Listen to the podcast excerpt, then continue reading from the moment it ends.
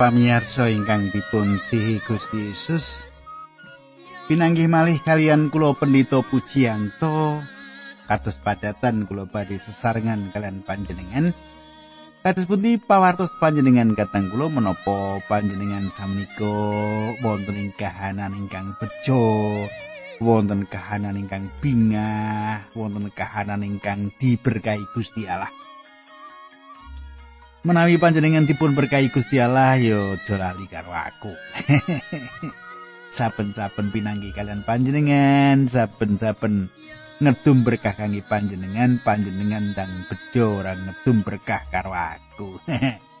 Nek kateng kula kados padatan kula badhe sesarengan kalian panjenengan wonten ing salebetipun adicara margi utami adicara ingkang sampun panjenengan antos-antos lan panjenengan tenggani. Nah, monggo nyaket kalian kula mriki sugeng midhangetaken adicara menika.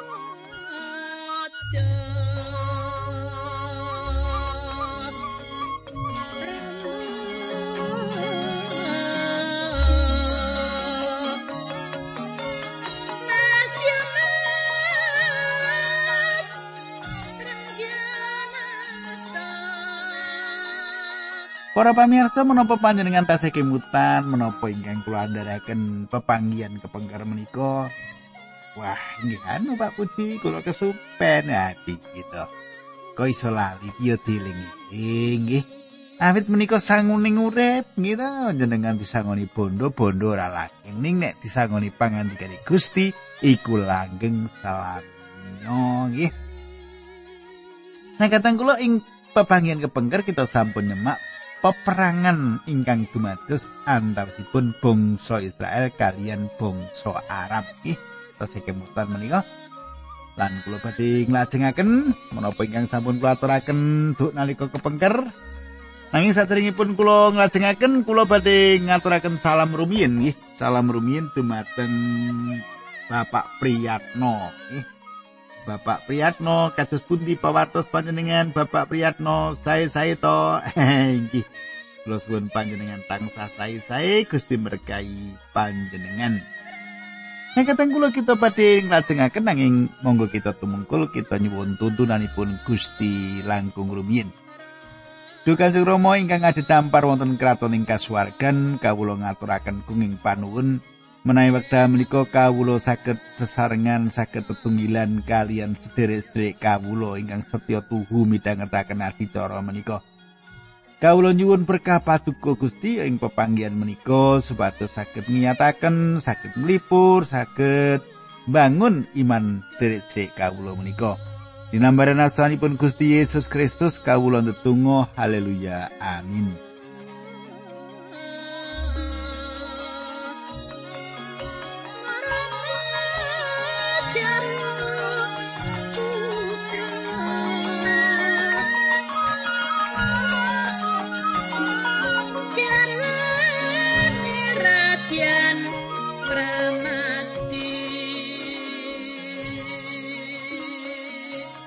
Para pamirsa samenika kita lumebet ing salebetipun kitab setunggal para raja bab selikur nggih. Panjenengan bika tunggal para raja kitab setunggal para raja bab selikur kula badhe maosaken ayat setunggal kalih lan tiga ing basa pedinan makaten suraosipun. Ing sacedhake kedatone raja Ahab ana kebon anggur duweke wong Israel jenenge Nabot. Ing sawijining dina Ahab ngendika marang Nabot kebon anggurmu kuwi ndak pee. Sebab kebon kuwi cedhak karo kedatonku lan aku kepingin nandur sayuran ana ing kono, kuwi ndak ijoli kebon anggur sing luwih becik ketimbang karo kuwi. Utawa yen kuwi milih duit, kebon kuwi ndak tukune nganggo rega sing patut. Atur bangsulain nabot kebun anggur menika warisan saking para luhur kula pramila demi Allah. Mboten badhe kula taosaken dhateng panjenengan. Para pamirsa, Nabot gadah kebun anggur ing laladan mriku lan Ahab ngajengaken kebun anggur menika. Ahab melek dhateng kebun anggur menika. Nanging nabot mboten kepingin nyadi kebon menika awet kebon menika peparingipun Allah dumateng leluhuripun. Lajeng menapa ingkang dumados? Lajengaken ayat sekawan kelawan penggali sedih campur duka merga wangsulane nabot mau Ahab kondur ngluso ing pasareane ngadepake tembok lan ora kersa dahat. Kadang kula panjenengan katasaken. Ahab mboten gadah pikiran pripun carane saged angsal kebun angguripun nabot menika nanging Esebel malah saged nindakaken kados pundi supados saged angsal kebun nabot menika kula lajengaken ayat 567 Nuli dituweni dening Isabel garwane karo nyuwun pirsa mengkene kenging menapa gerahing penggalih lan boten kersa dahat. Wangsulane Ahab Mergo aku ora seneng karo nabot, aku kepengin nuku kebon anggur utawa yen dhewe gelem arep ndak ijoli kebon anggur liyane sing luwih becik, nanging dhewe ora oleh. Wangsulan Isabel, "Lho, panjenengan menika ora raja monggo wungulan dahar. Mboten perlu dipun penggalih, sebab kebon anggur menika badhe kula hadiahken dhateng panjenengan." Para pamirsa, Isabel inggih menika wanita ingkang awatek awon lan piyambakipun ngrampas kebon anggur menika. Piyambakipun gadah rancangan ingkang awon lan ginakaken tiang Dursila kalih kedadosaken seksi goro. Tiang kali menika sanjang bilih nabot ngipati-pati Gusti Allah lan Raja. Nabot salajengipun dipun beto ing jaban kita lan dipun balangi sila ngantos berjah. Atus pundi kelajenganipun? Monggo kita waos ayat yang 11 ngantos ayat 19. Sak tampane pawarto mau Isabel banjur matur marang Ahab, nabot sampun pecah. Sumangga panjenengan tindak mriku nguwaosi kebun anggur ingkang rumiyin dipun kekai ngantos mboten purun nyati dhateng panjenengan. Ahab ingkang mangkat lan kebun anggur mau dianggep dadi kagungani, Gusti Allah banjur ngendika marang Nabi Elisa, nabi saka Tespi. Ahab raja Samaria saiki ana ing kebun anggur Nabot arep nguasani kebun kuwi. Ahab paranono. Lan kondo yen aku ngendika mengkene sawise mateni saiki ya arep ngrampas. Mulane ana ing panggonane asu padha ndilati getih nabot, ya ing kono asu-asu bakal ndilati getihmu. Para pamirsa imut menapa ingkang dipun ngendikaken Gusti Allah ing salebetipun serat Galatia 6 ayat 7. Makatan surasipun. Aja ngapusi awake dhewe. Gusti Allah ora kena digawe geguyon. Saben wong bakal ngunduh apa sing disebar. Samenika wonten satunggal paukuman ingkang dipun pratilaken dumateng Ahab lan Isabel. Nek kateng kula kita lajengaken ayat selikur ngantos kalih likur nggih. Pramila Allah sampun ngendika mekaten dateng panjenengan aku bakal nekakake paukuman marang kowe. Kowe bakal ndak sirnakake lan saben wong lanang ing keluargamu tuwa nom bakal ndak tumpes. Keluargamu bakal ngalami kaya sing dialami dening keluargane Yerobiam bin Nebat lan keluargane Raja Baisa bin Ahia. Mergo kowe wis njalari wong Israel padha gawe dosa nganti gawe dukaku. Para pamirsa, Gusti Allah paring pangandikan dumateng Ahab, Aku bakal nyirnakake keluargamu, turunmu ora bakal ana kang nyekel panguwasa ing kene. Rumunipun Gusti Allah dereng rampung. Dipun lajengaken ayat 23. Lan kangge Isabel Allah ngendika bilih badanipun badhe kamangsa ing segawon ing kita Israel. Kadang kula kali paukuman menika dumados kanthi saestu cetha kadang kula. Awit saking menika ngati-ati.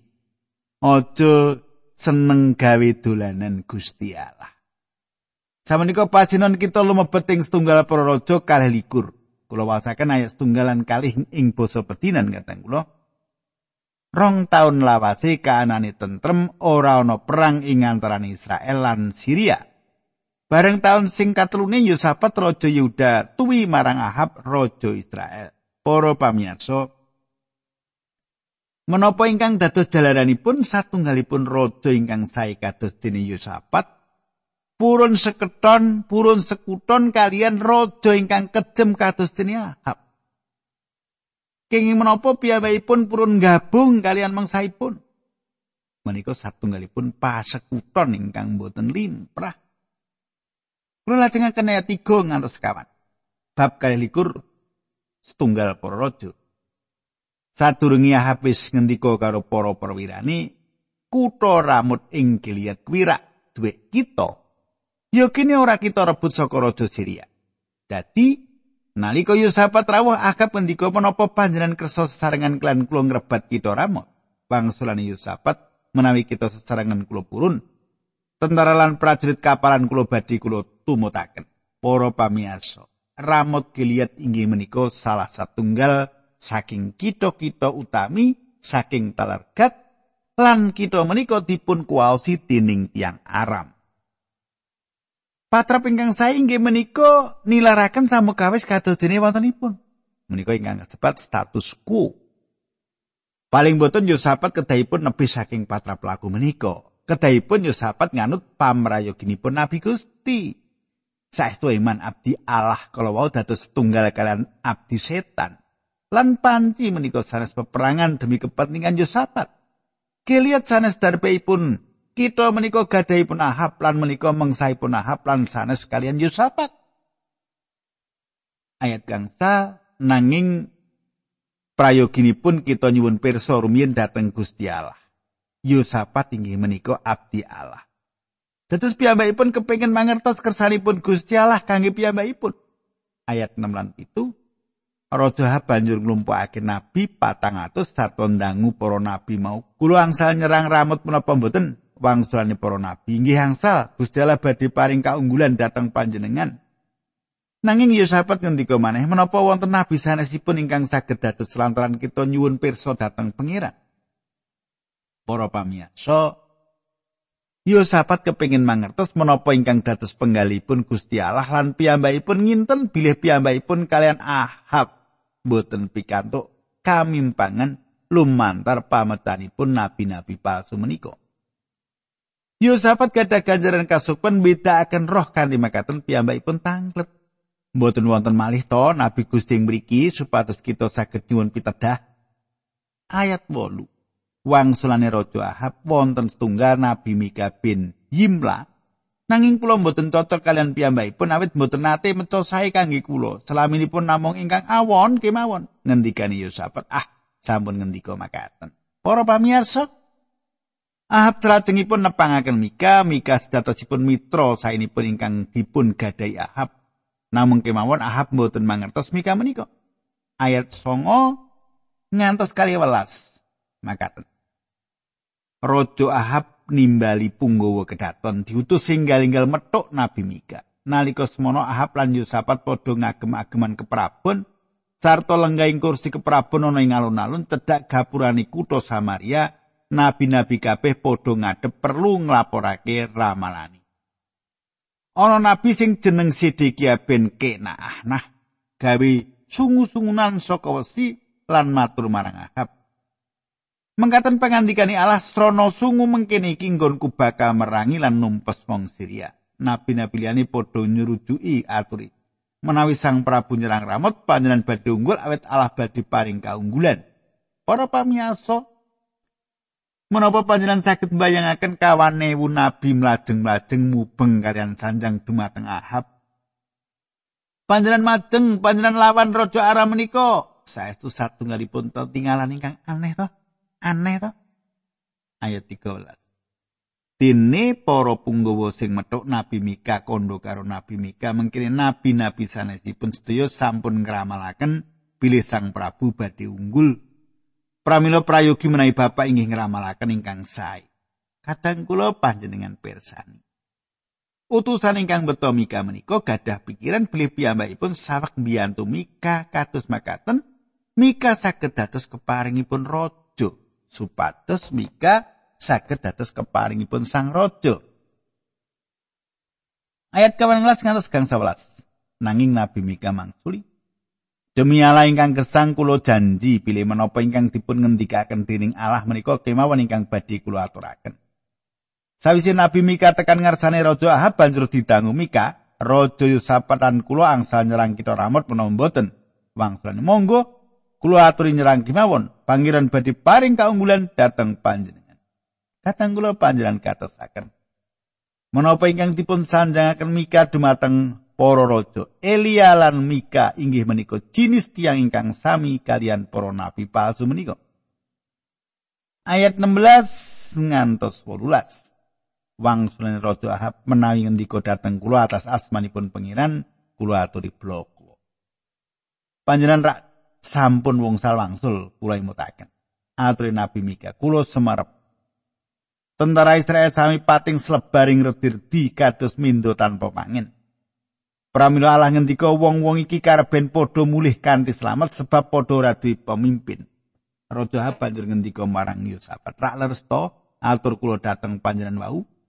Tiang menika mboten nate ngramalaken ingkang sae kangge kula selaminipun namung ingkang awon kemawon.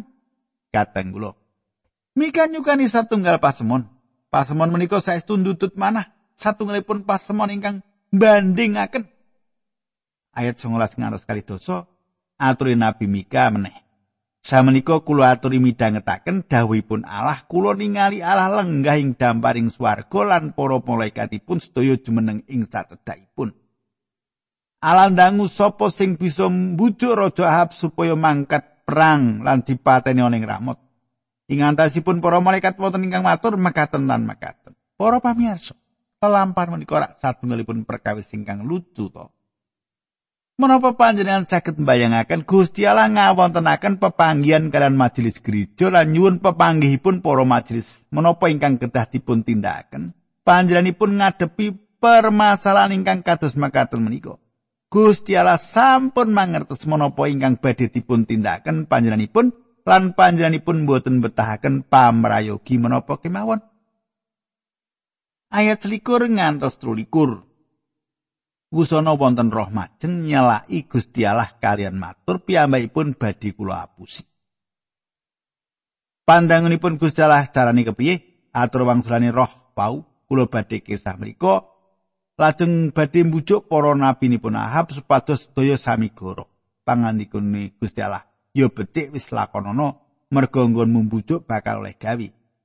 Wusana Nabi Mika banjur maturlah menika ingkang sampun kelampahan, Allah sampun damel para nabi panjenengan sami nggoroi panjenengan. Margi Allah sampun netepaken pilih panjenengan badhe ngalami cilaka. Kadang kula menika satunggalipun cara ingkang paling sae ingkang saged dipun tindakan mika ingkang meratelaken pilih para nabi menika kempalan tiang ingkang dura cara. Kadang kula kita lajengaken ayat 24 ngantos 17. Nabi Sedekia banjur maju nyedaki Nabi Mika, Mika dikamplang sirai karo muni, "Dek kapan royalah metu saka aku lan ngrasuk kowe?" Wangsulane Nabi Mika besok kowe bakal weruh samangsa kowe mlebu metu ing kamar-kamar golek panelian. Dawi Ahab. Wong kuwi cekelen Sowarno Amon wali kota marang Yuas karben ditahan ing pakunjaran lan konon meni mangan sethithik wae nganti sak tekaku. Para pamirsa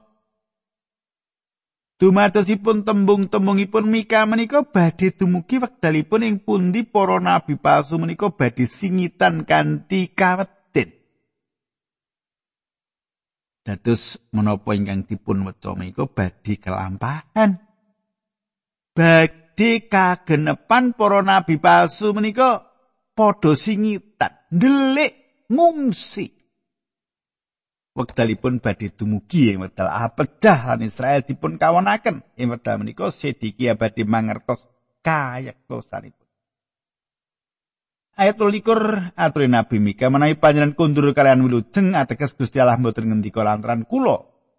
Banjur nyameti he wong sak bangsa kabeh padha rungokno. Para pamirsa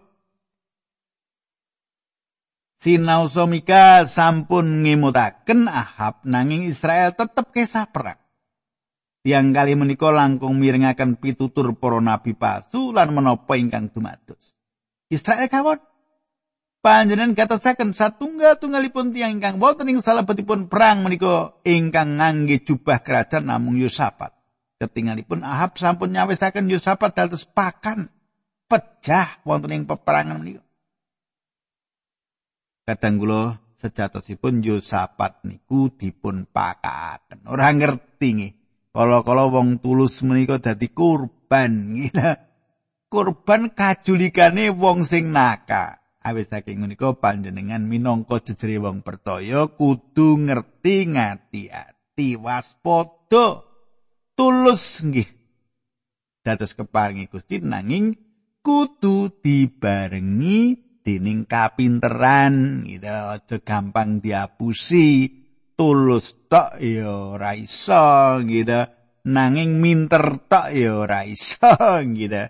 Nah saking menika cobi menika panjenengan dadosaken wucalan wonten gesang panjenengan. Lho yo sapat iki wong sing tulus ngabekti karo Allah dadi abdini Gusti Allah keri-keri digupakan perang supaya dhek sing mati sing Ahab ora perlu mati ra ngaten nggih nek kateng kula sakniki kula lajengaken ayat 3 dosa setunggal ngantos 3 dosa 3 Nalika semana para panglima perang Syria sing cacahe 32 wis diabani dening rajane supaya aja nyerang wong liya mung nyerang raja Israel wae. Mulane bareng weruh raja Yusafat kabeh padha ngira yen kuwi raja Israel banjur padha ngesuk maju nyerang raja Yusafat. Bareng Yusafat nguwuh lagi padha ngerti yen dudu raja Israel banjur padha mundur. Panjenengan semak saestu mesakaken Yusafat ingkang meh mawon kecalan nyawanipun ing peperangan awit saking dipun apusi dening Ahab. Kadang kula kita cekapi semanten rumiyin nanging kula tegasaken malih kadang kula minangka jejere wong percaya ngih tulus iku apik ning kudu ditambahi pinter ngih Niku penting kangge kita ngadepi wonten jagat menika kados mekaten. Wong sing ora percaya Gusti Allah niku ngapusi niku ya wis lumrah wae gitu. Ngorbanaken tiang sanes menika perkara sing ora perlu dipikirake ora sah ngresula. Karepe mati ya ben mati dhewe gitu. Awis saking menika katang kula kedah ngatos-atos. Seduluran-seduluran ning kudu kinantenan karo kejujuran lan ugi kapinteran. aja ngantek kadeglong nggih nek kateng kula monggo kita tumungkul kita ndedonga sesarengan Dukane Rama ing swarga kawula ngaturaken gunging panuwun menawi wekdal menika kawula saged tetunggilan kalian sedherek-sedherek kawula lan kawula sampun midhangetaken sabda pangandikan paduka. Kawula nyuwun Gusti berkahi, Gusti mitulungi linambaran asmanipun Gusti Yesus Kristus kawula ndedonga. Haleluya. Amin.